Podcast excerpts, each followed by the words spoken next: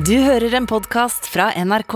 Jan Kjærup Bjørneboe er utdanna økonom og adjunkt, og er tidligere konsernsjef i ISS. I midten av 50-årene blir han rammet av hjernesykdommen parkinson. Han bestemmer seg for å lære alt om sykdommen, og setter seg nye mål i livet. Nå har han skrevet fire bøker, og livnærer seg som foredragsholder og forfatter.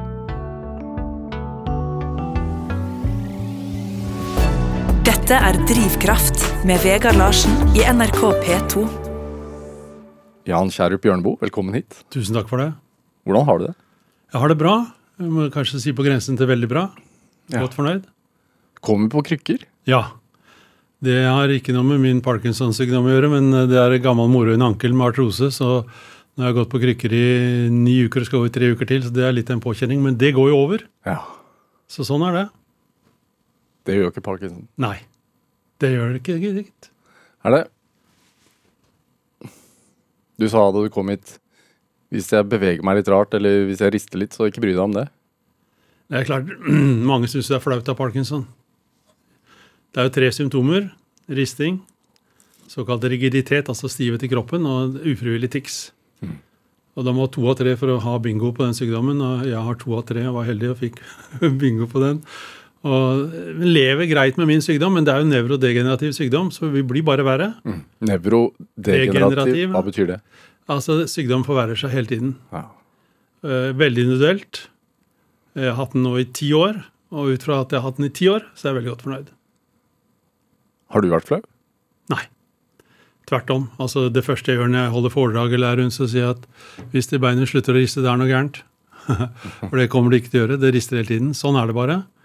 Jeg har aldri vært flau. Det er uh, Parkinson er en sykdom, og jeg pleier å si at hei, jeg heter Jan, jeg er hjernesyk. Presenterer meg ofte sånn, sådan, og det, sånn er det. Kan ikke gjøre noe med det. Føler man seg hjernesyk? Ja. Altså, ikke i den forstand at man blir gal eller det intellektuelle svikter, men man føler, altså man føler seg syk hele tiden, at kroppen er stiv, blir veldig fort sliten, kan stå opp om morgenen og gå ned på kjøkkenet, og så kan det kjennes ut som ikke du har sovet i det hele tatt, selv om du har sovet et eller annet. Så det er veldig mange sånne symptomer som er plagsomme. Det er ingen som helst tvil om. Hvordan er det, altså Kontra det å ha da en, en helt frisk kropp eh, og ikke ha parkinson Altså, hvordan Går det an å fortelle hvordan det føles? Det går så gradvis, heldigvis, og du venner deg til det. Det er utrolig hva vi mennesker klarer å akseptere fra kroppen vår. Men det er altså som å leve livet med håndbrekket på. Eller gå en boks med sirup. Det er kanskje den mest, eh, beste metaforen jeg har. Det er, eh, det er klart det er slitsomt, og det sliter jo på eh, syke og, og det fysiske. Og det veldig mange parkinsonister sliter med, er jo at de er engstelige for hvordan skal det gå. For det vet jo ikke noen ting om, og det er veldig slitsomt. Og det er også en viss, en viss større grad for å utvikle demens, og det er også mange som sliter om. Ja. Men altså, når noen spør meg er du redd for demens, så spør jeg nei, er du? Det deles ikke ut garantier i dette livet. Sånn er det. Nei. Alle er jo redd for demens. Ja, klart det er det. Altså, det paradoksale med hjernen, vet du, det er vel bare 10% som er kartlagt. Og når Al og Alzheimer i ca. 1900-1905 traff en dame som het Auguste Dete, så skjønte jeg at det var et eller annet fundamentalt galt med henne, og så obduserte han hennes hjerne, og da fant han tre objektive funn. Og jeg har inntrykk av at stort lenger har vi ikke kommet. Så den som finner medisiner For dette er jo et, for oss er en katastrofe for den enkelte, for de pårørende. Det er også et gedigent samfunnsmessig problem, for vi blir jo stadig eldre. Så jeg håper at denne gåten kan løses med hjernesykdommer. For der er det mye upløyd mark. Men det forskes mye på. Det forskes mye. Nå er det noen nye tabletter som har sett dagens lys man har testet mot parkinson, som vi går og venter på og er veldig spente på. Nå skal de gjøre et storskala test av den. Ja. Men det skjer ikke mye, altså. Hvor mange er det som får det årlig i Norge? Vi er ca. 8000 som har parkinson i Norge. 10 millioner på verdensbasis. En eksklusiv gruppe, pleier jeg å si. Ja. Hvor viktig er det å ha humor? Ja, det er helt avgjørende. Det mister du den, så mister du Altså, humor er så bra for hjernen, vet du, for da frigjør du bra stoffer, endorfiner Altså, problemet med parkinson er at åtte centimeter nede i hjernen så sitter et senter som heter substantia nigra. Det trodde jeg var nesten en ny rødvin på polet første gang jeg hørte det. En sånn som Gato Negro-type pappvin. Substantia nigra er der de dopaminproduserende cellene mine dør i hopetall. Og da produseres det for lite av hormonet dopamin, og det er også lykkehormonet. vet du. Så det er klart at dette setter sine spor på veldig mange mennesker. Ingen tvil om det. Så man blir ikke bare syk fysisk, men man blir kjappere deprimert også? Mange blir det. Ja. Mange blir det. I, temporært eller i perioder. Det virker inn på stemmen, mimikken, tarmen. Ja, i det hele tatt. Hele mitt 193 cm lange skrog har det en innvirkning på. Jeg må spørre deg, eh, Jan Kjærup Bjørneboe, siden du er her uh, altså, du, du heter Bjørneboe. Ja. Er det, er det noe slekt med, med Jens? Det er, eller var, fetteren til min far, men jeg kjente han ikke. Det vittige var at kona mi Sølvi traff han en gang før jeg ble sammen med kona mi for uh, over 40 år siden. Så hun har hilst på han, men jeg har aldri hilst på han. Men far min var en del sammen med han i sin ungdom. Men noe mer enn relasjon til det har jeg ikke. og Jeg skal ikke skryte noe på med hans enorme talent. Nei. Men du skriver selv, da? Ja ja, men altså Det er én Jens Bjørnboe. Ja. Var det en ambisjon eh, Det å skrive noe, var det, var det en ambisjon fra du var før du fikk parkinson? Nei. Altså, jeg skrev mye i jobben. Strategiplaner. Jeg skrev mye til Bedriftsavisen. Syntes det var gøy. Jeg kjørte portrettintervju med andre næringslivsledere sånn, som jeg hadde som jeg syntes var moro. Men jeg hadde ikke noen ambisjoner utover det. Hva, hva var ambisjonene den gang? Ja, Hvis vi kanskje går litt tilbake i tid, så, så var jeg katastrofedårlig på skolen. Jeg brukte fire og et halvt år på gymnaset. Jeg husker jeg fikk en halv flaske Upper Ten av mutter'n og fatter'n når jeg. Og jeg fikk en halv flaske av mutter'n og fatter'n jeg sto. Så det var det. Og de, de, så jeg kom meg omsider gjennom gymnaset, studerte Spesielt premieringssystem. Ja, veldig greit premieringssystem. Stort sett likt. Uh, kom meg gjennom gymnaset etter hvert og begynte å studere. Og, men etter at kona mi, da begynte jeg å ta livet mer alvorlig og studerte og fant at dette gikk jo for så vidt ganske greit. Det var ikke så vanskelig. Det ga meg en viss selvtillit. Og så begynte jeg å jobbe utdannet egentlig adjunktøkonom, men jeg begynte i næringslivet. Ja. Og det har jeg aldri angret på. Hvorfor ikke? Jeg var jo altså 31 år i samme firma. Enten det måtte bety noe at jeg trivdes i ISS hadde en fantastisk tid. Jeg var, for bare sånn korreksjon, jeg var ikke konsernsjef, for derfor alle gamle konsernsjefer heta, men jeg var konserndirektør. Og konserndirektør rapporterte konsernsjef, så hierarkiet må være i orden. Ja. Ordnung mot sein. Men, så jeg fikk lov til å ligge i en fri rolle i ISS og gjøre det jeg var god på. Og sprudle rundt og lage planer og lederprogrammer og kreativitet og kultur og alt det der. Og så hadde jeg utrolig mye gode folk rundt meg og under meg. Som, for Hemmeligheten med ledelse det er å finne de riktige folka under deg. Og så som, som Ellen Ørjasæter sa, sa for litt siden, det skader heller ikke at man er vennlig. Se de som er under deg. Hva sier du? Ja, og se de. Og se de, ja. Du må interessere deg for de hele tiden. Ikke bare de, men katta deres, bikkja deres, barna, pårørende. Altså, du må være genuint interessert i de som rapporterer til deg. Ja. Da, da kan du få virkelig bra resultater. Hvor, hvor, ofte, altså, hvor mange timer jobbet du per dag? Jeg var ikke den som jobbet mest i det hele tatt. Det var mange som jobbet mye mye mer enn meg. Ja. Eh, Så det, men det ble jo mye reiser, det ble mye strategimøter, overnattinger, som jeg syns egentlig var mer enn nok. Jeg fikk jo stadig noe hint fra gutta at du kanskje skulle jobbe litt mer og være med på jobben. Men som jeg gikk inn på kontoret, sa jeg har orden på mitt lille veldrevne kontor. Har du noen klage på, så send det skriftlig. Litt glimt i øyet. Så nei, ja, ja, det, det er veldig viktig å tenke helhetlig. Gjennom døgnet, gjennom livet. Fordi du skal holde på med det du holder på i veldig, veldig mange år. Og du skal holde ut, og du skal klare å levere også når du begynner å bli eldre. Og veldig mange går i veggen og sliter med å komme seg hen, men jeg tror det er viktig å ha et helhetlig syn, altså. Hva var målet, da? På karrierestigen? Jeg har vel aldri hatt noe mål. altså. Når jeg gikk på skolen, så hadde jeg to brødre, eller jeg har to flotte brødre. En er lege, og den andre er tannlege. Og jeg fikk jo den ene eneren etter den andre, altså dårligst karakter på gymnaset på matteprøver, fysikkprøver. Og, og så spurte jeg men du har jo to brødre som er lege og tannlege. Ja, ja, so what? Jeg brydde meg liksom ikke noe om det.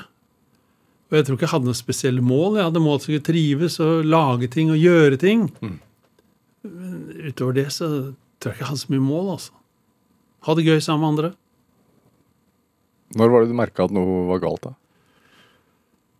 Mm, Jeg var vel ca. 55, tenker jeg. Det begynte å prikke litt i leppa, litt i lillefingeren. Jeg stressa, for jeg er litt stressete person. Uh, altså, Altså prikking, nummenhet, Ja, liksom? litt sånn underlig, uspesifiserte ting. Og så mm, begynte venstrebenet å riste. Har du vært opptatt av egen helse før dette her? Ja, egentlig. Altså, jeg har alltid trent og beveget meg og prøvd å ikke spise så veldig mye og ikke drikke så forbanna mye, iallfall. Uh, så det har jeg for så vidt vært. Men eh, det var vel rundt omkring, så fikk jeg vel diagnosen da jeg var rundt omkring 60. Parkinson.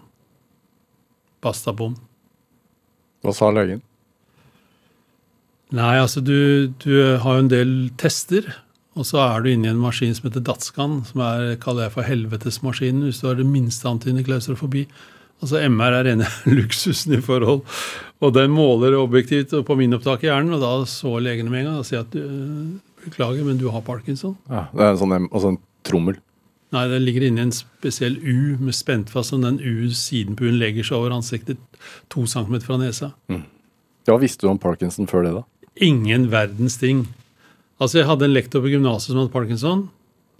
Og når han gikk bortover korridoren, så viftet han med fingrene sånn, og så sto vi og vifta bak ryggen hans, slemme som vi var. og det jeg har ofte tenkt på at det er skjebnen. Da fikk jeg parkinson, jeg også. Men Det er vel ikke så nær sammenheng, men jeg visste ingenting. Dette er Drivkraft med Vegard Larsen i NRK P2. Og i dag er eh, foredragsholder og forfatter Jan Kjærup Bjørneboe her hos meg i Drivkraft på NRK P2. Det å gå fra altså For du var i ganske god fysisk form midten av 50-årene, Ja. og så begynner du å merke en prikking og en nummenhet. ja.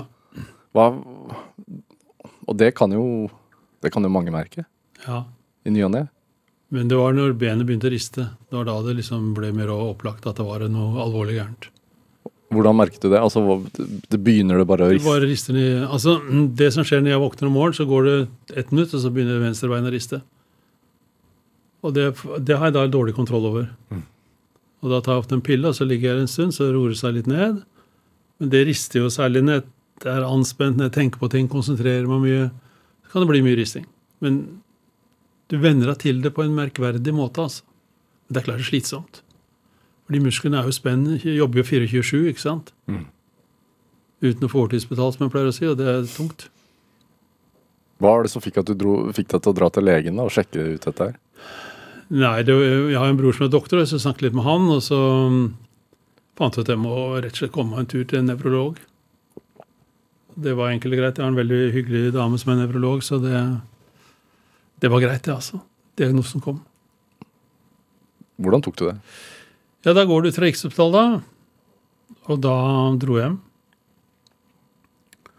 Og så så jeg litt på nettet, og det det var jo ikke særlig lystig, så da hadde jeg 60 minutter altså i det dypeste mørket. Men så tenkte jeg faderen heller, kom deg opp igjen Hvordan var de 60 minuttene? av mørket.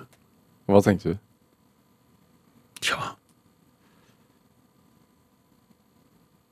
jeg vet, Hva jeg tenkte, ja. Jeg tenkte vel ikke så forbanna mye. Jeg satt vel mest og grein, tenker jeg. Eller gråt. Men altså Så begynte jeg å se på Det må finnes et forbund, tenkte jeg. Så jeg gikk inn på Parkinsonforbundets hjemmesider, og der sto det jo godt forklart. Og tenkte jeg dette klarer jeg. Da bestemte jeg meg dette klarer jeg. Og det tok 60 minutter. On track again. Følte jeg sjøl iallfall. Så dette klarer jeg. Og det har jeg vel gjort sånn noenlunde fram til nå. Men Hvordan- klart, dette er også en veldig påkjenning for pårørende. Må ikke glemme det, altså. Kona mi er jo engstelig, ikke sant. Ja. Barna. Og hvordan var det å fortelle nyheten? Nei, det, var, det lå litt i kortene, men det er klart Engse, ingen pårørende. Kona mi likte jo ikke å få den beskjeden. Hun ble lei seg. Hva er det man frykter? Hvorfor er det Altså, hva- er utsiktene? Altså, er det Der har du sett én parkinsonist, så har du sett én. Ja. Jeg har møtt folk som har parkinson i 30 år, som klarer seg bra. Jeg har møtt som har kort tid, som ikke klarer seg bra. Jeg har møtt folk som er kjempedårlige, og Veldig bra. Så det er bare å stake din egen vei. Sånn tenker jeg. Og det blir min vei, og det er bare meg som kan forme den veien. Og da trener jeg, tar mine medisiner, prøver å leve et noenlunde ålreit liv. Jeg lever et kjempebra liv, altså, bare så det er sagt, men eh, helsemessig. Så tar vi det derfra, så er det ikke vits å tenke noe mer på det. Hva, hva er det som sto på den hjemmesiden? At Du klarte å, altså du sa at det var 60 minutter i, i, i det mørkeste rom.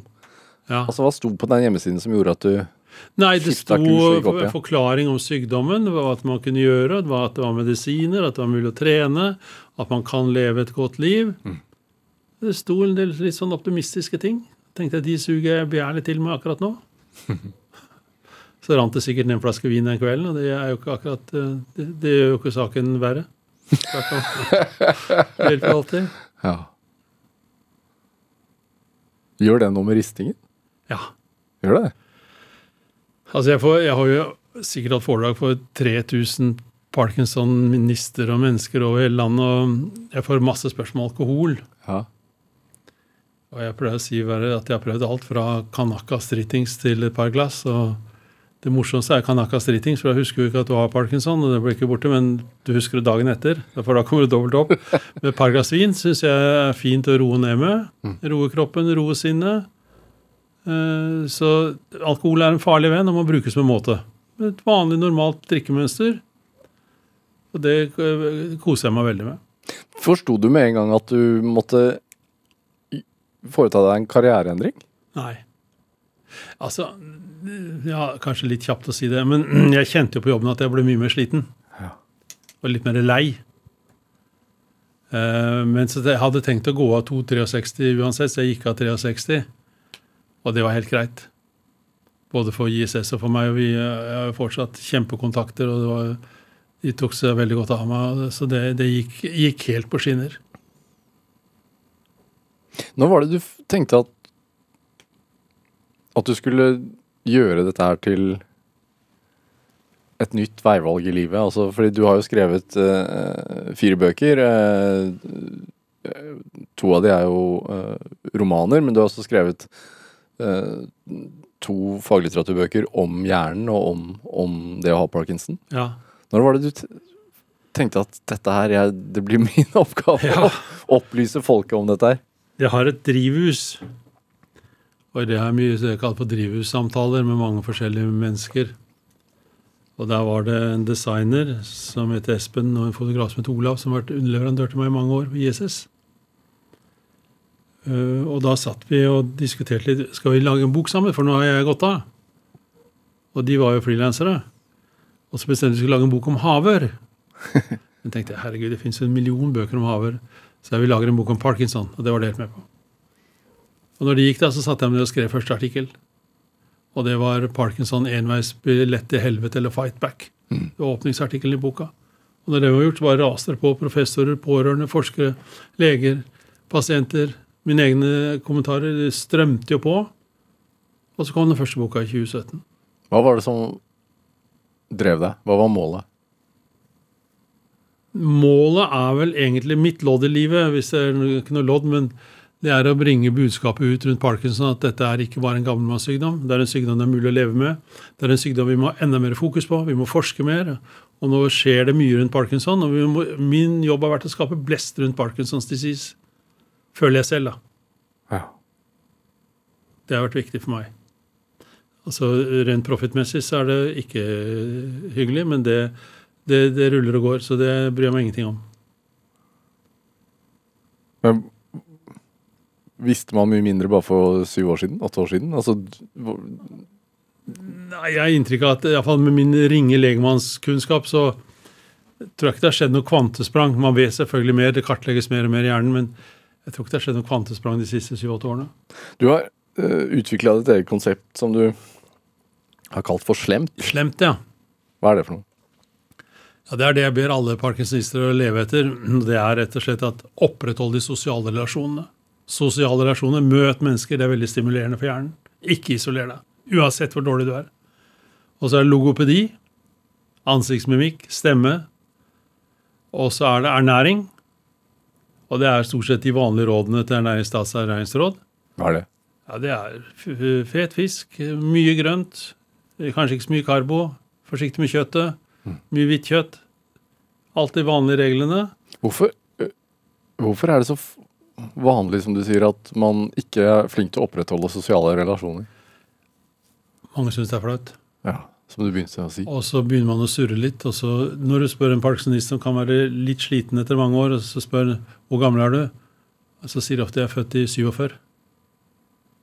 For det husker de mye lettere enn hvor gammel de er. Og så er det veldig mange som partneren svarer for dem, for å være hyggelig. Ja.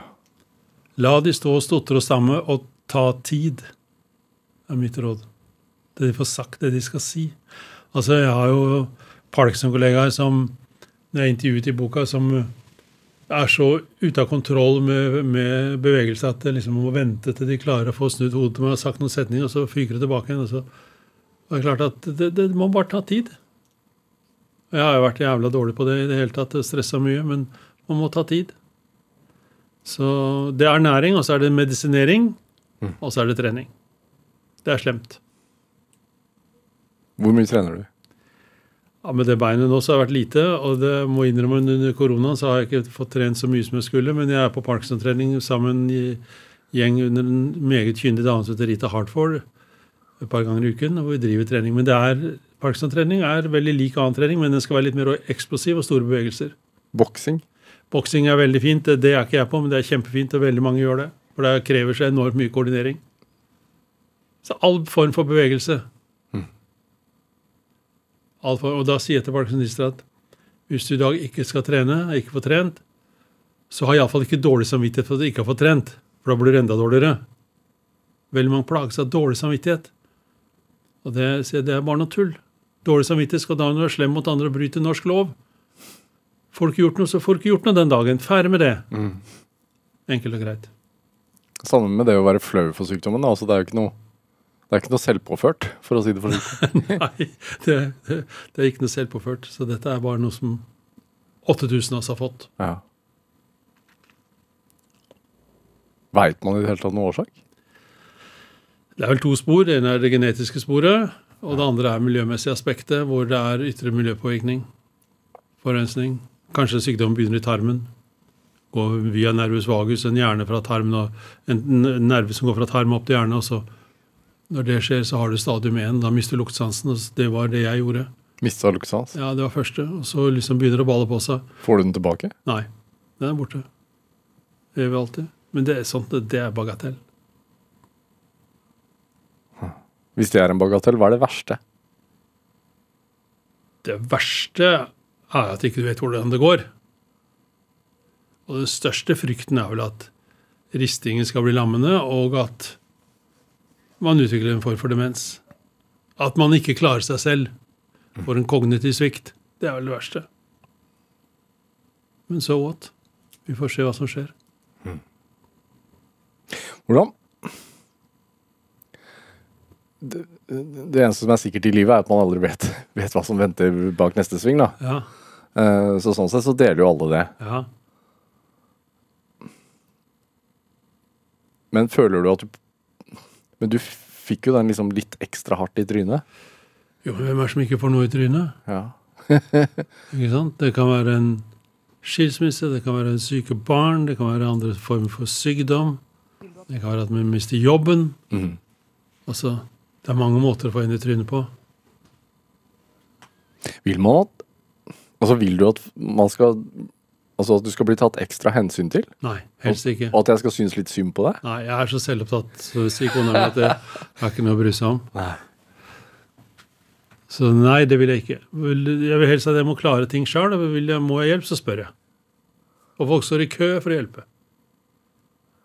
Ja. Er det en opplevelse du har hatt etter at du fikk diagnosen? Ja, altså, jeg syns alltid folk er hjelpsomme, men hvis du sier at du har parkinson altså, Det er det er én gang jeg har dratt parkinson-kortet. okay. I desperasjon, da jeg kom på Grønmo søppelfylling. Etter å ha revet en peis med altfor mye masse på hengeren. Og så ville de ikke slippe meg inn, og så sa jeg jeg har parkinson. da, da slapp de meg inn, og de hjalp meg å tømme hengeren. Det er den eneste gang jeg har dratt Parkinson-kortet, men da var jeg utmatta. Men eh, det var litt unfair, men jeg fortalte at jeg hadde da Da åpnet alle porter seg på Grønmo. Ja, kjære Bjørnstad. ehm, Nei, Bjørnstad sier Bjørnbo. Ja, Eh, da passer det å spille litt Rolling Stones. ja det, den er viktig, den låten. Ja. Start me up. Hvorfor det? To grunner. Det ene er jo at i SS var jeg mye på scenen, mye på podiet, og i alle mulige settinger. Og da var Start Me Up av min signaturlåt. Da visste alle hvem som kom. Og når jeg gikk av, så har den fått enda større symbolikk, fordi vi Parkinson-pasienter, vi trenger vi må, vi må komme i gang. Altså, om morgenen så kan det være tungt å komme i gang. Da gjør jeg enten noe fysisk, eller jeg skriver, jeg setter meg på PC-en, eller gjør et eller annet for å komme i gang, og det er Start Me Up. Så det passer aldeles utmerket. Det, når Mick Jagger skrev den låten, så må han nesten ha tenkt på Parkinson-pasientene. altså. Og når Mick eh, er jo da snart 80 og danser rundt på scenen, og Keith Richard kommer inn med riffet sitt, og Charlie som er død på trommene, drar i gang da, det er, det er helt rått. Danser du fremdeles, da? Det har vært katastrofe. Jeg dansa så mye at jeg fikk tak i kona mi, og siden så har jeg ikke dansa så mye. Så det, det er jeg veldig dårlig på. Men det blir kanskje noen vrikk en gang iblant etter noen øl. Ja. Skal vi høre? Ja, det må vi.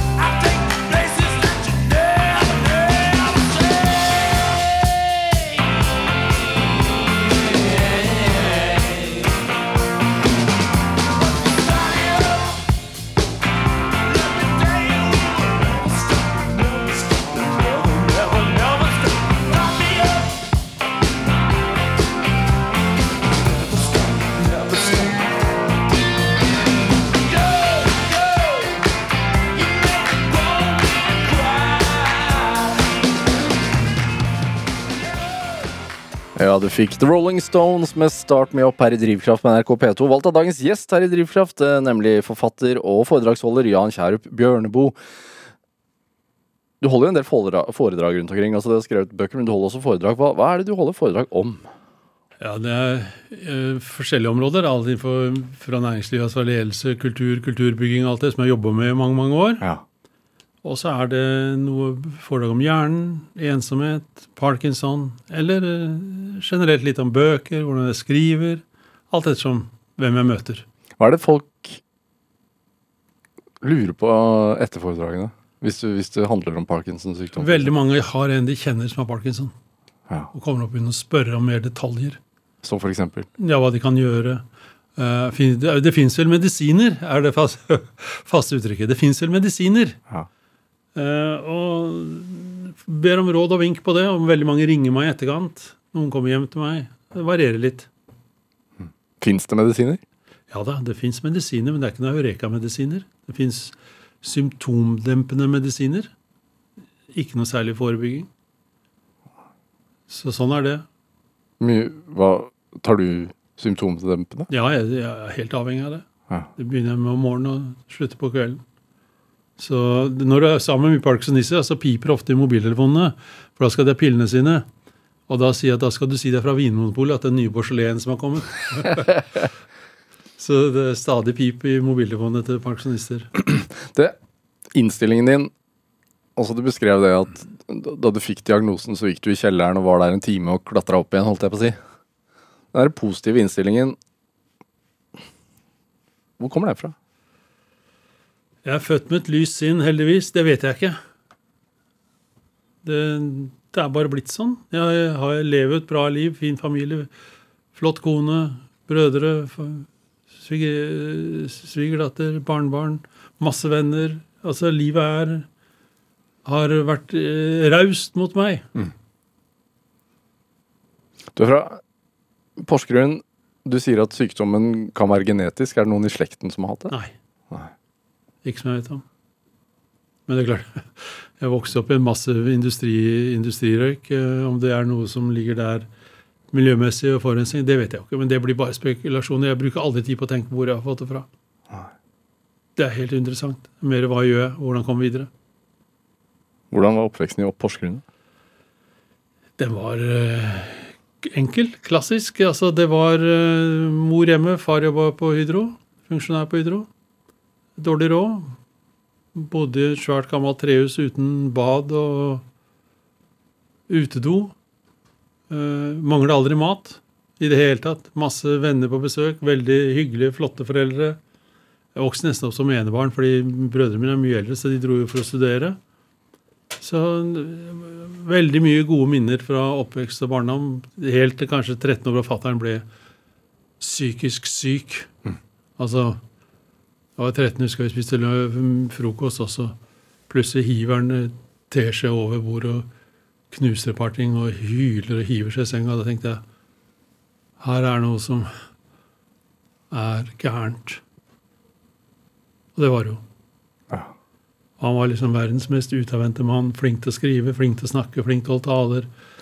Masse drivkraft. Og så, så ble han liksom bare en skygge av seg selv fram til han døde. Da jeg var 22. Ja. Hva skjedde? Han fikk jo voldsom angst. Han klarte ikke å stå opp. Vi måtte dra han opp av senga, vi måtte barbere han. Taue rundt på han, prøve å gå en tur. Nei, det var vondt å se på. Men Du var bare barn også. Ja, ja. Så jeg måtte jo ta med han, for brødrene mine var jo flyttet, så jeg måtte jo ta med han veldig mye sammen med mutter'n.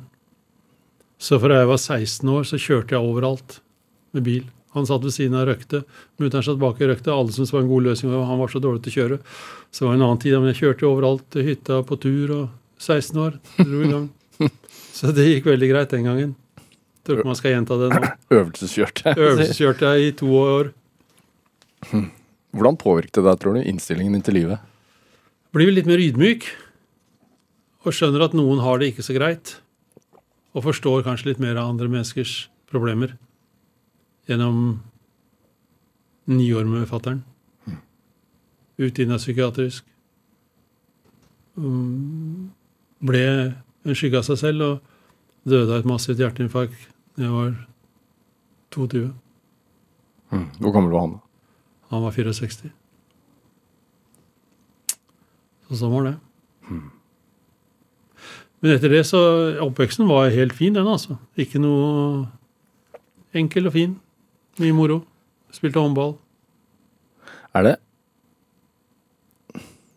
Tenk, Tenker man altså sånn som når når du, når du får den diagnosen du har fått, og, og har skiftet kurs på livet på et vis Tenker du da at det er ting du ikke fikk utrettet før du fikk den? Nei. Nei, aldri tenkt på. Altså, jeg er ikke den typen som må gå på bitjorden til neste år og klare det. Jeg, hvis det kan hende jeg kunne bare kom på parkeringsplassen, jeg så meg ut og tok en kopp kaffe og kjørte hjem. Jeg kunne være like fornøyd. Jeg har ikke de Altså, jeg gjør det jeg klarer. Og du tilpasser seg etter det. Og det er hysterisk at jeg må, jeg må, jeg må, jeg skal. Det, det, det bryr jeg meg ikke om. Her tar vi det ting som det kommer. Det er mye bedre. Men du har skrevet eh, fire bøker, da. To, Jo. og to barnebøker og, i tillegg. eh, Og, og, og to av de er romaner. Så det er, Ja. Så det, det er jo en slags fjelltopper, det også. Jo, på fire år så er det veldig ganske mye, men altså jeg si, de bare rant ut. Jeg hadde ideen. Uh, skrev ganske disiplinert. Uh, god hjelp fra de, på sakprosabøkene fra designer og fotograf. De andre romanene har jeg skrevet alene. Men uh, det ble bare sånn. Mye energi som var der, og ligger der heldigvis. Jeg er også veldig glad i snekkere. Alt som ikke trenger å være vater. Svoger er snekker. Han sa han skulle gi meg et vater i neste julepresang. Mye miniatyrer som jeg lager. Sånn forskjellige ting for å holde liksom ja, Få utløp for ting. Jeg liker å lage ting. Om det er ordet eller om det er noe fysisk, det er ikke så farlig. Men det, at jeg lager ting, det er jeg veldig glad i. Er det viktig å utfordre seg selv? Jeg vil ikke si nødvendigvis utfordre, men det er viktig å utføre noe, syns jeg. Ja. Altså jeg som jeg pleier å si i foredragene, at pass på at du får gjort én ting hver dag som du husker. Altså Det kan være å lese en bok, det kan være å vaske badet, du gikk opp under trappa fire ganger, du var inne i en ny butikk. Så ikke liksom dagene blir bare en grøt. Så liksom det å stå opp og gjøre et eller annet det er Ofte når jeg kan våkne om morgenen, så kan jeg ha så store forventninger til dagen at jeg må, bare må stå opp. Kan være litt plagsomt, men å sette i gang med et eller annet som jeg har veldig lyst til, da. Mm. Sånn kan være Ja, nå holder jeg på å, å Jeg har redigert en ny liten barne, barnebokhefte. Hva skriver du om der, da? Eh, Der skriver jeg om opprøret i maurtua, hvor to arbeidsmaur tar kommandoen over hele tua. Takket være en snill bjørn og barn. Det syns jeg var ustyrtelig morsomt å skrive. Så jeg måtte lære meg mye om maur. da. Det var veldig morsomt. Den jeg holder jeg på med nå. Så, altså Det er ikke de store ting, det er jo en hobby. ikke sant? Hvis jeg kan glede noen mennesker, så gjør jeg gjerne det. Og så syns jeg det er moro. Enkelt og greit. Det er ikke noe dypere enn det. Men tror du at du hadde skrevet disse bøkene hvis ikke du hadde blitt syk? Det er mange som har spurt om. Det aner jeg ikke. Jeg vet ikke. Kanskje, kanskje ikke. Aner ikke. Parkinson-boken var jo startskuddet, startskudd, ikke sant? Ja. For der er jeg ekspert. altså Ingen som kan ta meg på noen ting rundt min parkinson. Jeg vet det om meg sjæl. Men så er det andre som vet mye mer om det faglige. Som jeg hører selvfølgelig på hva de sier. Og skriver det ned. Det er så mye bra folk som holder på med som leger og nevrologer som forsker på parkinson. Det er helt utrolig mye bra folk. Veldig mye bra folk i helsevesenet. Lar du de Altså, er du en del av forskningen? Nei. Nei.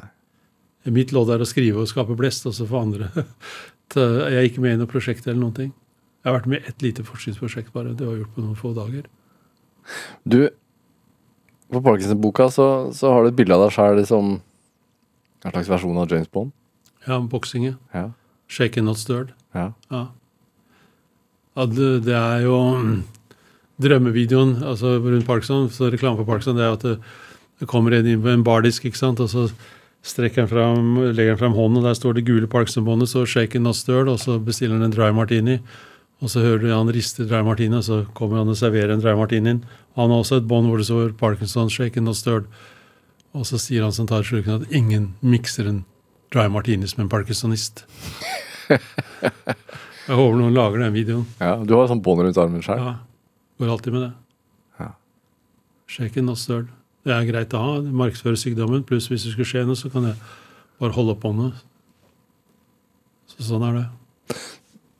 Du sa innledningsvis her at hvordan du Også hvordan en selv takler det, er én ting, men vel så viktig er det hvordan de pårørende tar det. Ja, det er tungt for pårørende. Mye tyngre enn jeg skjønner. Altså, når du har parkinson, så tenker du sånn så at alt annet som går over, det er ikke så farlig. Men det er ikke sånn livet er. Så mm, Sølvi, kona mi, er jo klart at hun bærer mye tanker og er egentlig for at dette går, og observerer meg at jeg blir dårligere, ikke sant? Som en observatør fra siden. Og det er tungt for pårørende å være gift med en kroniker. Helt klart. Hva er tyngst, tror du? da? Å ikke vite hvordan det går. Det er jeg helt sikker på. Er det tyngre for de enn for deg? Jeg tror det. Jeg har frakken på. Hva vil det si? Ja, altså, jeg kjenner hvordan det går. Eh, Jeg, jeg, jeg er mer mentalt forberedt. Så jeg tror det er tyngre for pårørende å ikke vite hvordan det går. Var det hun som meldte fra, altså som ba deg oppsøke legen også? Nei, det, det klarer jeg ikke å huske. Jeg tror ikke det. Det snakket vi sikkert sammen om hele tiden, sånn som vi gjør om alt annet. Så det, jeg klarer ikke å huske helt det. Hva, hva skal pårørende si og gjøre? da? De skal behandle deg akkurat som de gjorde før du ble syk. Mest mulig. Så langt det er overhodet mulig. Ikke noe mer enn det. Er det Hvor mye blir man av sykdommen sin?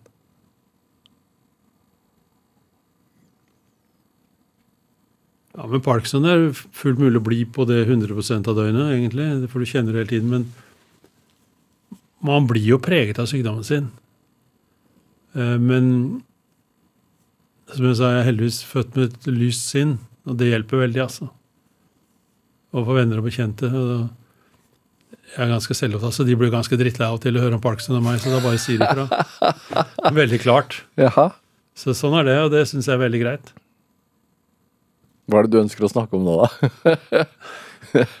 Tenker du med venner og bekjente, eller? Ja. Nei, venner og bekjente. Nei. Altså, jeg er glad i å diskutere politikk, og jeg er glad i å diskutere de nære ting. Nei, men i forhold til Parkinsons sykdom. og, ja. Nei, jeg forteller jo om hjernen, hvordan den funker, og hva jeg skriver, og hva jeg holder på med, og, og det blir too much noen ganger. Ja. Det kan bli for mye av meg, og det har jeg stor forståelse for. Du har skrevet en bok også om, altså, som heter Hjernen, Ja. eh, på godt og vondt. Så, som ja. handler om mer enn bare Parkinson. Også, Ja, det er handler om hjernesykdommer generelt. Hjernesykdommer, hjernekosthold, trusler, muligheter. Mange eminente professorer. Bent Høie skrev forordet forresten i boken og anbefalte boken varmt, så det var veldig hyggelig gjort. Men det er en generell bok om hjernen og muligheter, trusler, sykdommer. På godt og vondt. Ja. Du er ikke hjerneforsker, men, men hva, hva, hva lærte du i, i, i skriveriet av den? Jeg lærte at eh, hjernen er en utrolig kompleks sak som man vet veldig lite om. Det mest komplekse underverker som ever er skapt. Helt fantastisk. Og vi vet veldig lite. Fordi når vi forsker på hjernen, så nå er jeg på legmannsnivå her, men altså når en forsker forsker på en mus, så er vi så, masse, så superintelligente og overlegne, men når vi forsker på en hjerne, så møter vi oss selv i døren. Og Derfor må man koble inn andre vitenskaper som IT, matematikk, samfunnskunnskap. Mange forskjellige forskere må gå sammen for å klare å finne og løse de problemene. Altså Moser og Moser i Trondheim er jo eminente eksempler på at de klarer gjennom banebrytende forskning å finne ut stadig nye ting om hjernen. Som er grunnforskning, som er veldig viktig, som må få opp hvis noen andre tar videre. Og, og som til syvende og sist kanskje kan operasjonalisere seg da i behandling. Mm.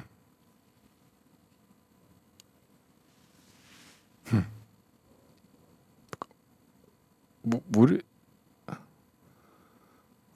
Tror du at det vil komme en pille? Altså Du snakket så vidt om en blå pille som er, i, er under utvikling. At det kommer et eller annet på et eller annet tidspunkt, det gjør det. Altså Jeg håper på den crossover-effekten, da, som er altså at det skal være et annet medikament. Og Da bruker jeg alltid Viagra som eksempel.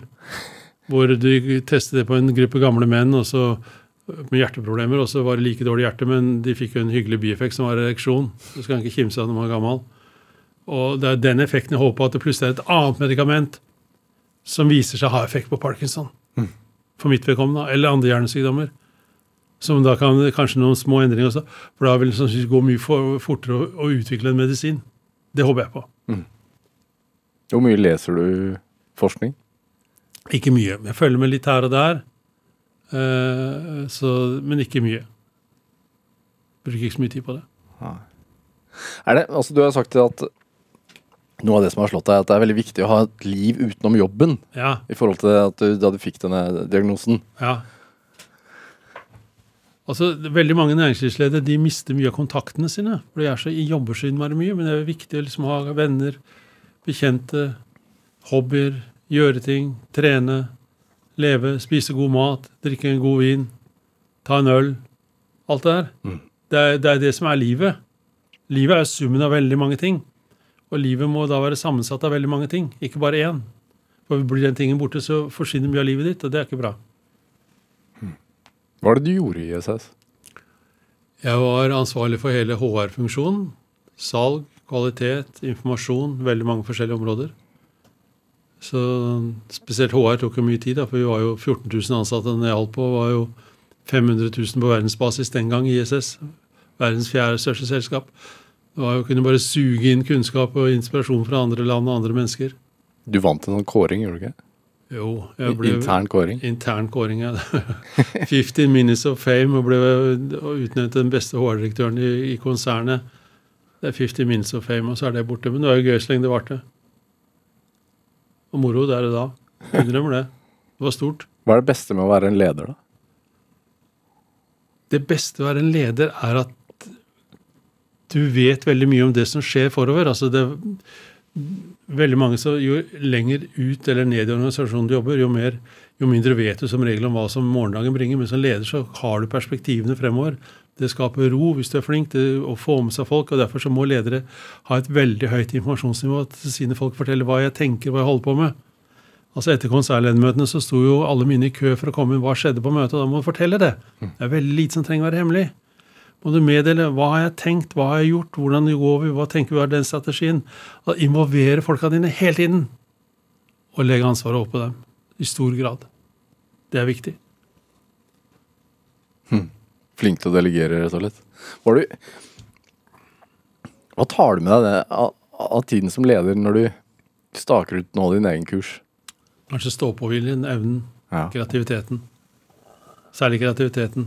Det tror jeg er veldig viktig. Gjøre ting. Tenke ting. Tenke ting.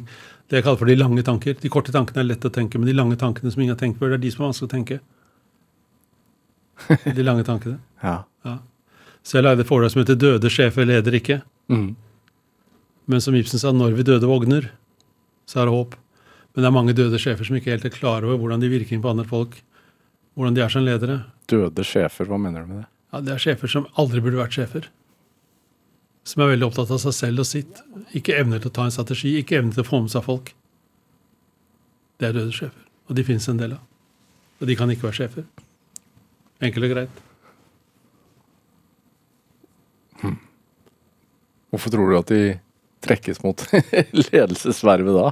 Jo, det er, um, det er spennende å være leder. Du får makt, du får innflytelse, det er bedre betalt. Mm. Det står folk i kø for å bli ledere overalt, stort sett. Så jeg syns aldri synd på leder er så tøft. Være leder er så tøft enn du har valgt det sjøl. Hvis ikke, så hopp ned, da. Vil la være å være leder. Det å være leder er et privilegium.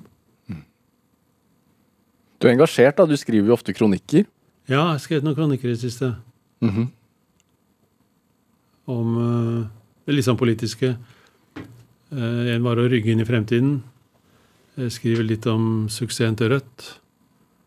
Eh, så det, det syns jeg er gøy å skrive litt ut fra mitt eget politiske ståsted. da. Er det for å utfordre deg selv?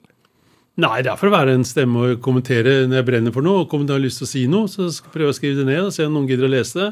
Ja. Det syns jeg er spennende. Og så sysler du i hagen. Hage er viktig. Bevege seg. Ja. Så, og jeg har hytte, så det er også viktig. Så det å være i bevegelse, det er noe jeg liker. Hvor, hvordan er det også sånn Hvis jeg tenker meg selv, så min fremtidsutsikt er jo at, også at kroppen min forfaller mer og mer med årene. Ja. Um, jeg kan jo trene og prøve å vedlikeholde det best, så best jeg kan, men, men man blir jo eldre. Men hva er den største forskjellen? Altså, hvordan altså, kan det neste året i ditt liv bli drastisk forskjellig enn det foregående året? Nei, jeg tror ikke det. Nei. Ikke drastisk. Ja, det, altså, du kan jo få et eller annet som gjør at du plutselig blir veldig dårlig, men sannsynligheten er størst for at det blir ganske likt. Ja. Litt dårligere. Det som irriterer meg mye, er at jeg har mistet mye styrke. Muskelmasse og styrke med parkinson. Det forsvinner kjappere? Ja, jeg syns jeg har blitt utrolig svak og pinglete. Men jeg satte opp et svært ildhus da på fjellet på hytta med seks tom, seks tom og åtte tom og åtte tom. Og det er ganske svære dimensjoner. Men Men hvorfor er det sånn at muskelstyrken svinner kjappere? Det, er, det vet jeg ikke. Jeg føler meg i hvert fall mye svakere. Det er kanskje noe med at du mangler mindre testosteronproduksjon også, som er vanlig for oss menn. Ja. Eh, Men i og med at jeg er veldig mye stiv og støl og sånn i kroppen, så føler jeg vel at jeg er ikke så sterk som jeg var før. Det kan være litt irritabelt, men da får du heller eh, fuske litt da, gjøre ting på litt andre måter og få litt noen til å hjelpe deg litt med de tyngste løftene. og Det er bare sånn det er. ja.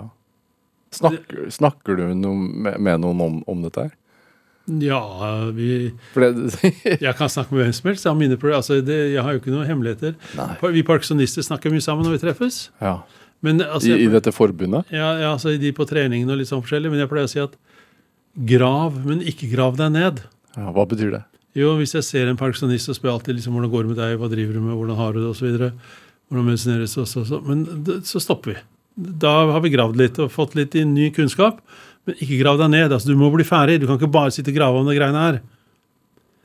Så derfor sier jeg grav og spør, men ikke grav deg ned. På, du må slutte på et eller annet tidspunkt å smøre masse. Ja. Ja. ja, Nå er det jo et intervjuprogram, da, så så graver man jo og spør om masse. Jo, jo, men altså, det er jo, det er jo jobben din, da. Men er det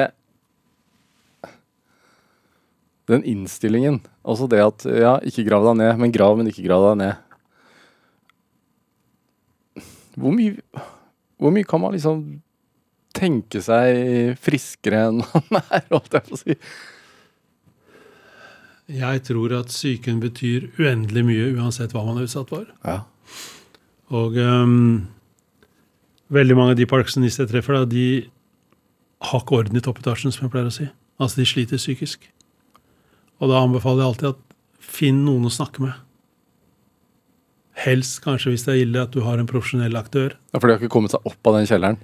Ja, det, nei, ja, eller at, ja, det kan være eller at jeg ramla ned i kjelleren igjen. Men finn noen å snakke med, enten det er en god samtale, om det er en venn, en kollega, helst ikke partner, for det blir så slitsomt for partneren, eller at du må ha profesjonell hjelp gjennom psykiatri. Hvorfor blir det slitsomt for partneren, tenker du? Jo, fordi jeg mer, prøver mer eller mindre å leve så normalt som mulig sammen med Sølvi. Eh, og jeg, hun vet jo nøyaktig hvordan jeg har det, og jeg sier jo det, men de grunnleggende, dypere diskusjoner tror jeg man skal ha fagfolk Ja. å snakke med. Og få hjelp. Og rydde litt opp i toppetasjen. Så du skåner de nærmeste litt? Jeg vil ikke si jeg skåner de, men uh, eh, prøver å leve litt sånn som jeg gjorde før jeg ble syk. Med de. Og gutta mine, de, de behandler meg helt som, helt som vanlig. Altså Der er ingen nåde. Og det er veldig bra. Det har de bestemt seg for, tror jeg. Men jeg vet jo, når jeg treffer folk som ikke har sett, det første jeg observerer, har han blitt dårligere. Det er sånn. Og jeg er jo frekk nok til å gå bort og spørre det første du tenkte når du så ham, nå har han blitt dårligere. Og det innrømmer jeg at det var det jeg tenkte. Ikke sant? Så de observerer veldig. Ja. Det er, en, det er jo en synlig sykdom, ikke sant? Iallfall for mitt vedkommende. Så det er viktig å ta brodden litt av det. Ja.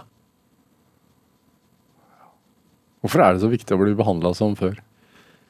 Fordi Jo. man er jo ikke som før. Nei, man er vel ikke det. Men du vet det rare er når man blir eldre, så føler man seg oppi hodet så føler man seg like ung som man var før. Altså, Helt til man ser seg selv i speilet.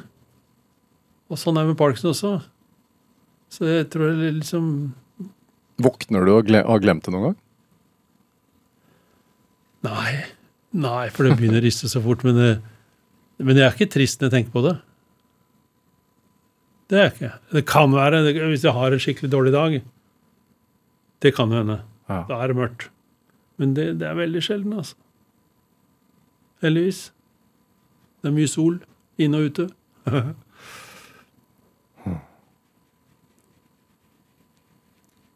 Fleiper de med deg, gutta dine?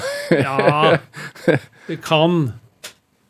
Um, men uh, vi har ikke så mye. Det, man skal være litt forsiktig med å fleipe med parkinsonister, men uh, den standardvitsen det er jo den om han som kom til doktoren og så fikk valget om å ha demens eller parkinson. Og så sa han jeg må tenke på det.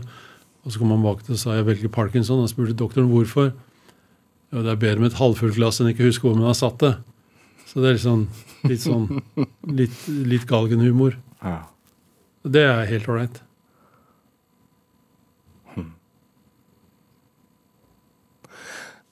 Er det setter du Og så ser du liksom livet litt annerledes. Ja, På en positiv måte også. ja. Du setter mye mer pris på hverdagen. Du setter mer pris på livet. Ja, kjære Bjørnblom, hva, hva tenker du er drivkraften? da? Ja, Drivkraften er å leve livet så normalt og bra som det flotte livet egentlig kan være. Mm. Det er vel drivkraften. Å ha et bra liv sammen med seg og sine.